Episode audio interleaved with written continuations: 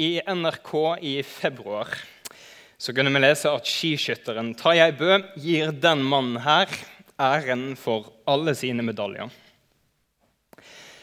For kjeftemaker Stein Erik Bredvold han har laga kjeftene til våpnene som Tarjei og mange andre av skiskytterne bruker. Og Det er fryktelig fint og ydmykt av Tarjei å gi Stein Erik Bredvold æren for sine medaljer. Men intuitivt så skjønner vi at det stemmer jo egentlig ikke. Det er ingen tolv år gamle skiskytterspire som har plakat av Stein Erik Bredvold på rommet sitt og ser på den plakaten rett før de skal springe ut på joggetur i sludd første juledag. Og nå Beklager hvis han er bestefaren til noen i rommet deres, men jeg setter 15 øre på at ingen av dere i rommet visste hvem han var før for to minutter siden. Det meste av æren for medaljene til Tarjei de, eh, den meste av æren den er det nok Tarjei sjøl som skal ha. Det er iallfall Tarjei som får beundringen og anseelsen og æren av oss. Men det er helt åpenbart at det er andre enn Tarjei som har vært involvert i hans egen suksess. Tarjei gir helt rett i å gi noen andre eh, ære for iallfall deler av suksessen sin. Problemet er at han gir æren til feil vedkommende. Og stopp, stopp, stopp. Jeg veit hva dere tenker. For en navlefloskel. For en sinnssykt kristen ting å si. Vi kunne jo sagt akkurat det samme som Tarjei. Jeg gir æren min til alle mine lærere for alle de karakterene jeg har fått. Vi skjønner jo hva Tarjei mener. Herlig fred. Og jeg er enig men jeg kan rett og slett ikke dy meg. Det finnes ingen vei utenom. Jeg må simpelthen påpeke at hver eneste gang du ber ditt lille Fader vår, så ber du For riket ditt, og makten og æren i all evighet. Når vi ber på gudstjenestene og vi ber på sengekanten eller hjemme i sofaen, så mener vi egentlig ikke så godt som all ære til deg, Gud, i all evighet. Akkurat som om det skal bety noe som helst. Og vi mener ikke æren er din Gud, men litt grann ære til meg òg for at jeg prøvde og gjorde en skikkelig god eksamen eller gjorde et skikkelig godt intervju eller spilte veldig bra på prøvespillet. Og kanskje litt ære til meg òg for de gangene jeg levde sånn som du ville at jeg skulle leve, leve tok meg sammen, bruke evner du har gitt meg.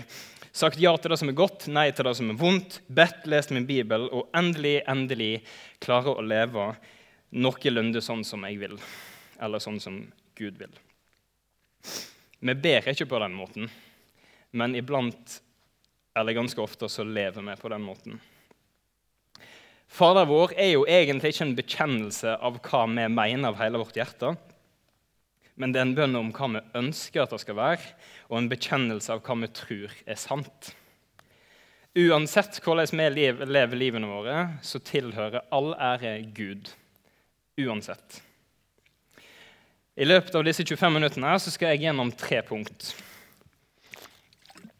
Det første er hva betyr egentlig ære for noe? Det andre er Jesus er vårt forbilde i å leve til Guds ære. Og det tredje er hvorfor er det egentlig bedre for oss?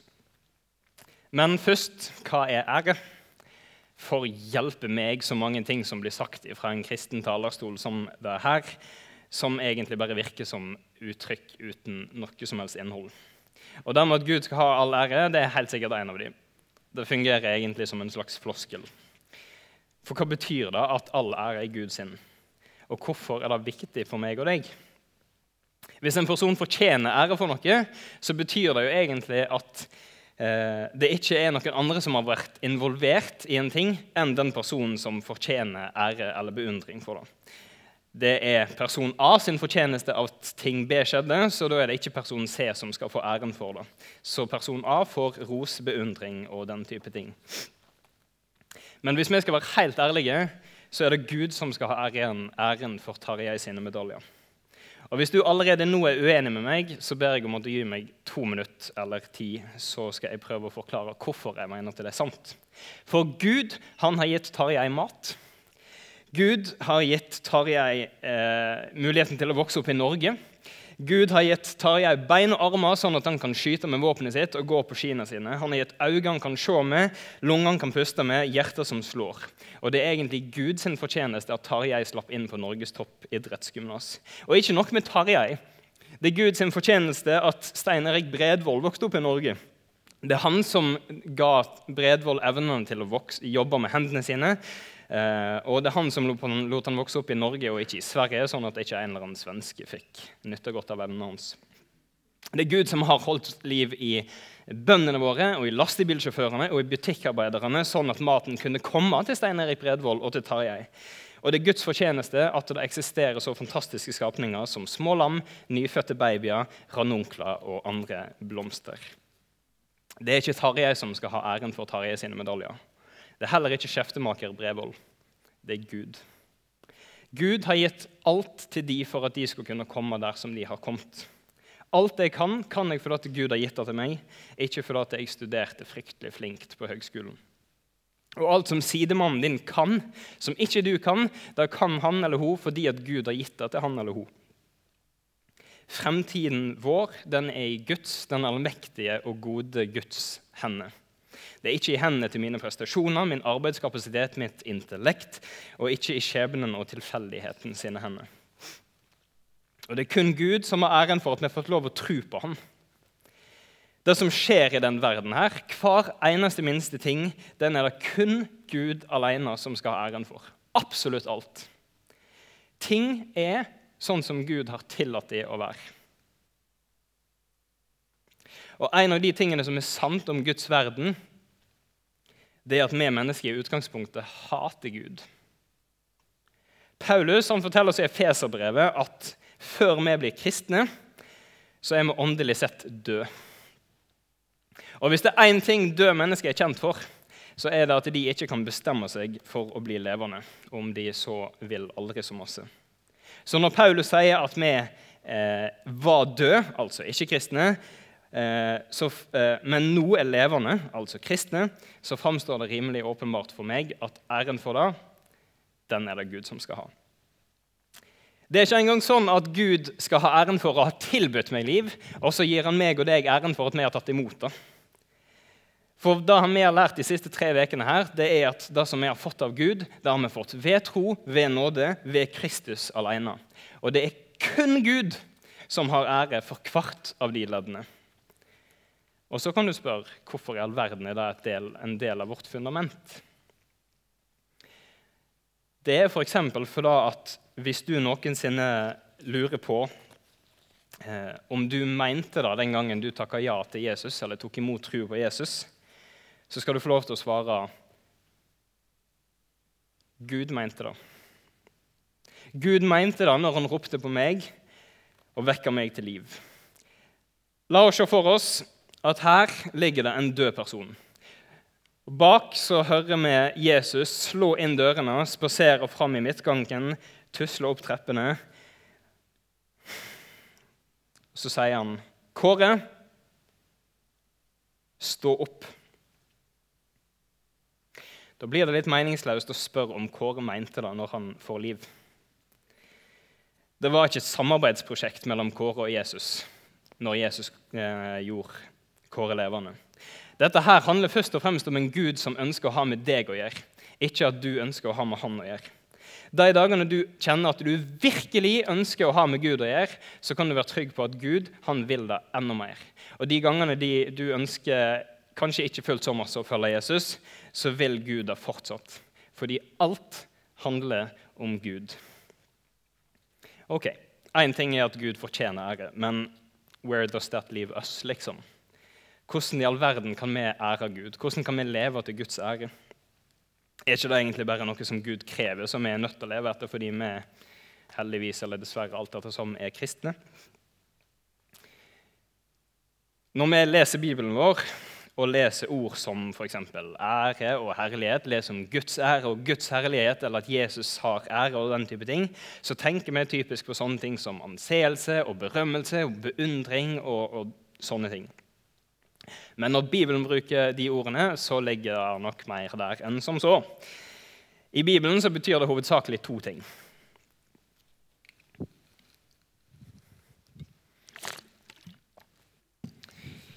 Den ene tingen det er at noe er tungt eller vektig. På norsk sier vi iblant at noe veier tungt, eller at noe har tungtveiende årsaker. Og Det er egentlig noe av det samme her. Det forteller oss at noe er viktig. Guds ære og Guds herlighet forteller oss at Gud er det aller viktigste i hele universet. Og For ganske mange mennesker som tror på Gud, så er Gud helt moderat viktig. Han er en del av livet. Når livet er tungt og vanskelig, og du står foran store valg og vanskelige, uforståelige hendelser som ikke egentlig gir mening, så ber du kanskje litt. Men hvis livet går bra, så tenker du ikke så masse på Gud. Så blir egentlig Jesus slags, et slags kostholdstilskudd eller reservehjul. Men å behandle Gud som tungtveiende, som tung, som ærefull, det er å behandle han som det aller, aller, aller viktigste? Er han den mest tungtveiende faktoren i alle valg du tar i livet ditt? Er han den tingen som du nekter å gå på kompromiss med? Er, den han, er han den du tar alle valg basert på? Er hans vilje det viktigste i livet ditt? Er forholdet til han det viktigste forholdet du har? Sentrerer livet ditt seg rundt Gud? Er Gud helt sentral i måten du forholder deg til kjæresten din, til vennene dine, til ektefellen din på, eller hvordan du ønsker at det skal være? Er det det aller, aller viktigste, det mest tungtveiende i ditt liv? Hvis du svarer ja, eller jeg skulle i alle fall ønske at det var sånn, da har du sett litt av Guds ære. Den andre tingen det betyr, det er at Gud er den mest fantastiske, mest strålende, mest skinnende, det vakreste du kan tenke deg. Han er toppremien. Vi ærer ikke bare Gud av å skjønne hvor fantastisk og herlig Gud er, men ved at vi gleder oss og fryder oss over hvem han er. Én ting er å se en solnedgang. En solnedgang over Middelhavet, en fantastisk fjelltur, strålende båttur i skjærgården i Mandal. Og du bare står der og stirrer deg i senk, nikker anerkjennende og sier 'Der er det en solnedgang'.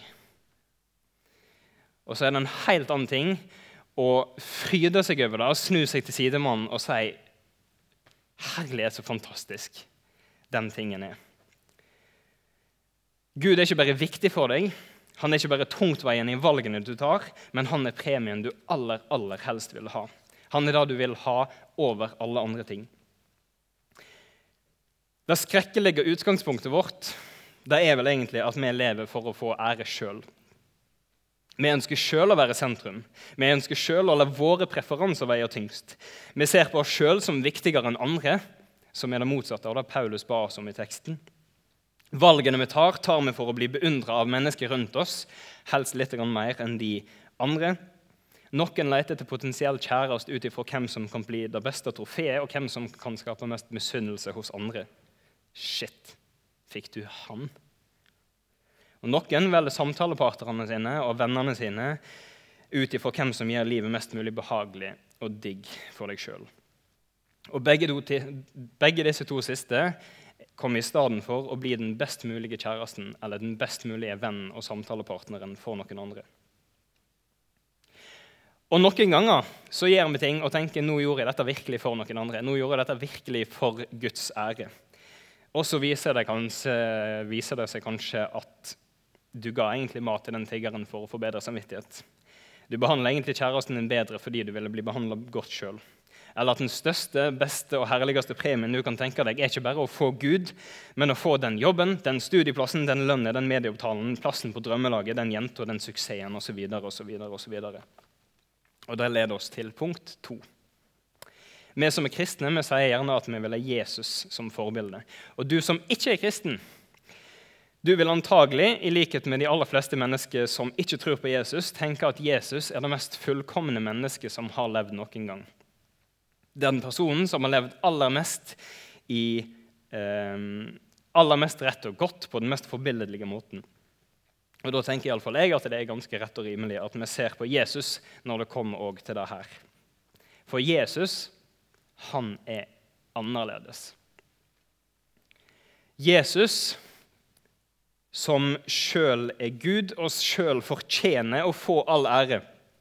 Han gikk ikke rundt på jordet og forsøkte å få all mulig ære og respekt og makt på egen hånd. Han tok ikke valgene sine for å få et mest mulig behagelig liv.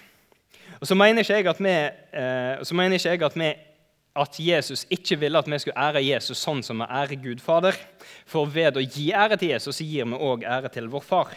Men prosjektet til Jesus det var å ære Gud Far.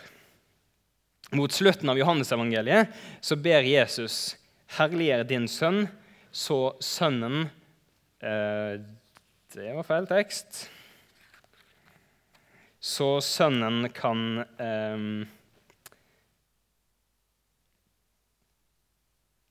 som, Så sønnen kan herliggjøre deg. Skal vi se. Er det der vi er? Ja. Jesus tok ikke valg eh, der hans eget beste veide tyngst, og den største premien hans var ikke berømmelse og, eh, og anseelse, men å tjene mennesket til deres gang. Men kan dette virkelig være bedre for oss? For det er unektelig bedre, eller mer fristende iallfall, å leve for oss sjøl enn for Gud. Det framstår til og med lettere. Vi kan gjøre som vi vil, vi kan velge å gjøre det som er behagelig, og det som er lett. I de, valg, I de, versene som Alice leste i stad, så ber Paulus menigheten sin om å være ydmyke og sette andre høyere enn de sjøl. Og ikke bare tenke bare på sitt eget beste, men òg på, på, andre sitt. Og så kommer den skyhøye standarden. Tenk på samme måte som Jesus. Hæ? Samme sinnelag som Jesus. Er det realistisk? Standarden for ydmykhet, standarden i å sette andre mennesker foran oss sjøl, det er måten som Jesus gjorde det på. Tenk mindre på oss sjøl, mer på andre, mest av alt på Gud. I alt som vi gjør. Og så har kanskje noen av dere hørt at Guds rike er et opp-ned-rike. Og I de versene som akkurat las, så er det virkelig sånn. Løgnen som vi har kanskje aller mest lett for å tro på, det er at hvis vi lever livet eh, vårt for oss sjøl, for vår egen lykke, komfort og fremgang, så er det akkurat ære og berømmelse vi kommer til å få. Men hvis vi lever Jesus, livene våre som Jesus og gjør oss lav og små og lever livene våre til andres gagn og ære og til Guds ære, så er det liksom et offer uten sidestykke som vil gjøre oss slitne og miserable. Men det er ikke det Bibelen lærer oss. For Jesus han var i Guds skikkelse. Han var lik Gud. Han hadde alt. Han hadde all herlighet og ære i Faderens bilde. Han kunne blitt værende sånn. Han syntes ikke det var gagnlig. Det er sjukt! Han syntes ikke det er gagnlig å være Gud lik. Han ga frivillig avkall på å være Gud lik. Hadde du gjort det hvis du fikk det spørsmålet? Tenk å gå ifra den fantastiske himmelske herligheten der alt er perfekt, alt er fint, alt er i fullstendig balanse, og så komme ned her til ei ødelagt og syndefull jord der alt er i ubalanse og alle hater hverandre. For meg er det egentlig kontrastfullt nok å sette meg på et fly fra sol og varmt vær i Oslo og lande i Bergen. Så kunne han kommet ned til jord og valgt å vise seg i all ære og herlighet som han har. Han kunne vist seg som, som toppkongen, som queen bee. Men han velger å bli lik en tjener, en slave, som de laveste på rangstigen. Han dro det så langt at han frivillig lot seg sjøl utsette for den største ydmykelsen du kan tenke deg, den største latterliggjørelsen, og henge avkledd på et kors mens folk peker på han og lo helt til han dør. Dette er ikke det alternativet som vi velger aller mest hjerteligst. Men det er jo det her som er å la Guds vilje få veie tyngst. Jesus ønsker å vise Gud som den mest attraktive premien som er mulig å tenke seg. Han valgte dette her fordi det var sånn han kunne vise Guds herlighet best. Og Hva er det som viser Gud som premie bedre enn det her? Vi var Guds fiender. Gud elsker oss. Vi stoler ikke på Gud. Gud viser at han er trofast. Vi gjør opprør mot Gud. Gud tar straffen for det. Og Vi tar ikke et eneste initiativ. Folk takker, takker nei til tilgivelsen som Gud tilbyr, og Gud står med åpne armer og tar imot så snart de vil. Vi innser ikke vårt eget beste og velger å ta oss sjøl i sentrum likevel og la egne preferanser komme i eh, forkjøpet for Gud sine. Lar vår egen komfort og vår egen framgang veie tyngst. Men Gud, han tilgir. Igjen og igjen og igjen. Vi sier jeg har lyst til å være på toppen av mitt liv. Jeg har lyst til å gjøre alt til mitt eget beste. Jesus sa, 'Jeg vil gjøre meg liten og lav for din skyld'.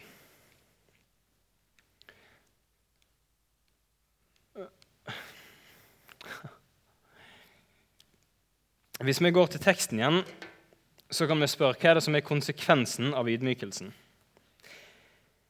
som Jesus gjør. I Guds rike så er det som skjer i vers 9 her, en direkte konsekvens av at en ydmyker seg sjøl helt totalt. Jesus fornedra seg sjøl, han ydmyka seg sjøl og ble lydig til døden på korset. Og Derfor har Gud opphøga han til det høyeste, eller som vi kunne oversatt det, superopphøyde han, hyperopphøyde han. Paulus forteller at når Jesus gjør seg sjøl ydmyk og lav, så blir han opphøyd. Det er sånn det fungerer i Guds rike. Gjør deg sjøl liten, bli stor. Den som opphøyer seg sjøl, skal bli ydmyka, og den som ydmyker seg sjøl, skal bli opphøya, sa Jesus. Ydmykelsen som det her er snakk om i Filipperne, det er nettopp det å sette andre høyere enn oss sjøl. Ikke gjør ting av sjølhevdelse. Sånne ting som Jesus gikk rundt og gjorde. Og her står du og du og jeg på valg, alle sammen. Du kan opphøye deg sjøl. Da vil du bli ydmyka og fornedra av Gud. Eller du kan ydmyke og fornedre deg sjøl, og da vil du bli opphøyd av Gud. Så which one is it? I 'Ringenes herre' så skriver Tolkien veldig godt. The praise of the praiseworthy is above all rewards. The praise of the praiseworthy is above all rewards. Å bli æra av den som er all ære verdt, det er den beste av alle premier. Et kompliment for kunstnerferdighetene dine det betyr veldig mye mer når det kommer fra Leonardo da Vinci, enn når det kommer fra Jon Kjetil. Beklager. Gud er den ultimate praiseworthy. Det viktigste og beste vi kan få oppleve i livet, det er nettopp å bli satt høyt av Gud Ja sitatet. Og det her det bringer meg til eh, mitt tredje punkt. Det er faktisk bedre for oss. For du må ikke misforstå meg. Du kan naturligvis tenke eller ja, Det er naturligvis ikke sånn at hvis du jager etter egen ære her på jord, så vil du garantert ikke få det. Antagelig, eller iallfall kanskje, så vil du få alt som du veier tyngre enn Gud. Du har iallfall den muligheten. Kanskje du får alt som du setter mer pris på enn Gud. Men til hva pris? Er det bedre for deg? Min hunch det er at dette blir et navla hamsterhjul for deg. Og Jeg vil komme med ikke så veldig mange konkrete eksempler. og Det er fordi at det er mulig å la nesten hva som helst veie tyngre enn Gud. Nesten alt kan bli en større toppremie enn Gud. Det kan være makt, respekt og ære fra andre, det kan være sex og bli elska og penger, individuell frihet. Jeg har lyst til å gjøre akkurat sånn som jeg vil, når jeg vil. Sitte på tronen i mitt eget liv. La oss for si at du tar valgene dine basert på forventningene fra folk rundt deg. Eller fra samfunnet sine forventninger. Fungerer det? Problemet er at de forventningene de er forskjellige fra én person til en annen. Og Av og til så er de helt uforenlige. Forventningene fra samfunnet er én ting i fjor og en annen ting i morgen. Det som gir deg respekt hos en person, det gir deg latterliggjørelse og ydmykelse hos en annen. Men hos Gud derimot, der er standarden evig og uforanderlig, alltid den samme. Elsk Gud, elsk din neste som deg sjøl. Sett andre høyere enn deg sjøl. Tjen andre, gjør deg sjøl lav, løft andre opp. Hvis jeg skal si det veldig enkelt Veien nedover er opp, og veien oppover er ned. Og Her er det en veldig tydelig frihet. Vi slipper å jage etter ære og respekt og beundring fra andre mennesker. Vi slipper å hevde oss sjøl. Problemet ditt hvis du har noe annet enn Gud i sentrum av livet, er at du aldri kommer til å få nok. Når noe annet enn Gud er sentrum av livet ditt, så kommer det til å bli som et slags bål i midten av hjertet ditt. Dess mer du fôrer det med noe annet enn Gud, dess større blir det, dess mer oksygen trenger det. Dess mer oksygen og mat suger det inn for å holde liv i seg sjøl. Du kommer aldri til å få nok. Og når du mister den tingen som du setter over Gud, da har du ingenting. Og For å konkludere den taleserien her, så gjelder akkurat det samme når det kommer til oss som kristne. Det er Gud som skal ha ære for at vi blir kristne, og at vi forblir kristne. Det betyr at vi slipper å hevde oss på dette her området òg. Hvis du gjør alt du kan i livet ditt for å leve rett for at Gud skal bli fornøyd med deg, eller for at han skal akseptere deg, så kommer du til å slite deg ut. Du kommer ikke til å få det til. Med mindre du tenker mindre på deg sjøl, mer på andre og mest av alt på Gud, tjener de rundt deg til Guds ære, så kan du la Jesus ta seg av og holde deg fast til ham, eller trekke deg til ham i utgangspunktet. Forventningen fra Gud er at vi skal være fullkomne sånn som Jesus er fullkommen. Men sannheten er at vi er fullkomne fordi han er fullkommen så kan vi være trygge på at hvis vi feiler og ikke lever opp til de standardene som Gud setter til oss, som er uforanderlige, og når vi får til å leve rett nei, Når vi feiler, så kan vi be Gud om tilgivelse for det. Og når vi får til å leve sånn som Gud vil, så kan vi gi Gud ære for det. Takke Gud for at de rundt oss får gagn for det. Og takke Den hellige ånd for at vi ved Den hellige ånd ligner bitte, bitte litt på Jesus. Vi blir fortalt av verden at å leve for Gud er ei tvangstrøye. Og jeg er veldig overraska hvis mindre enn halvparten av dere opplever det sånn. En kan oppleve det som at det å leve sånn som Gud vil, er å fornekte store deler av det å være menneske. Du må legge bånd på den som du egentlig er, blir det sagt. Men hvis Gud var fullkomment menneske og fullkomment Gud, så er det stikk motsatt. Hvis vi er skapt til å ligge under Gud, så blir vi aller mest oss sjøl, aller mest menneske, ved å leve sånn som Gud vil at vi skal leve. Det er ved å leve sånn som Skaperen har skapt oss til å leve, at vi blir fullt og helt menneske. Til gagn for deg, til gagn for din neste og til ære for Gud. Og det her er det fundamentet vi står på. Vi slipper til og med å gjøre gode gjerninger for at Gud skal bli fornøyd med oss. Vi kan gjøre dem fordi at når vi tror på Jesus, så kan Gud se på oss, og så kan han si som han sier om Jesus. Dette er min sønn, den elskede. I ham har jeg velbehag. The praise of the praiseworthy is above all rewards. Takk Gud for det.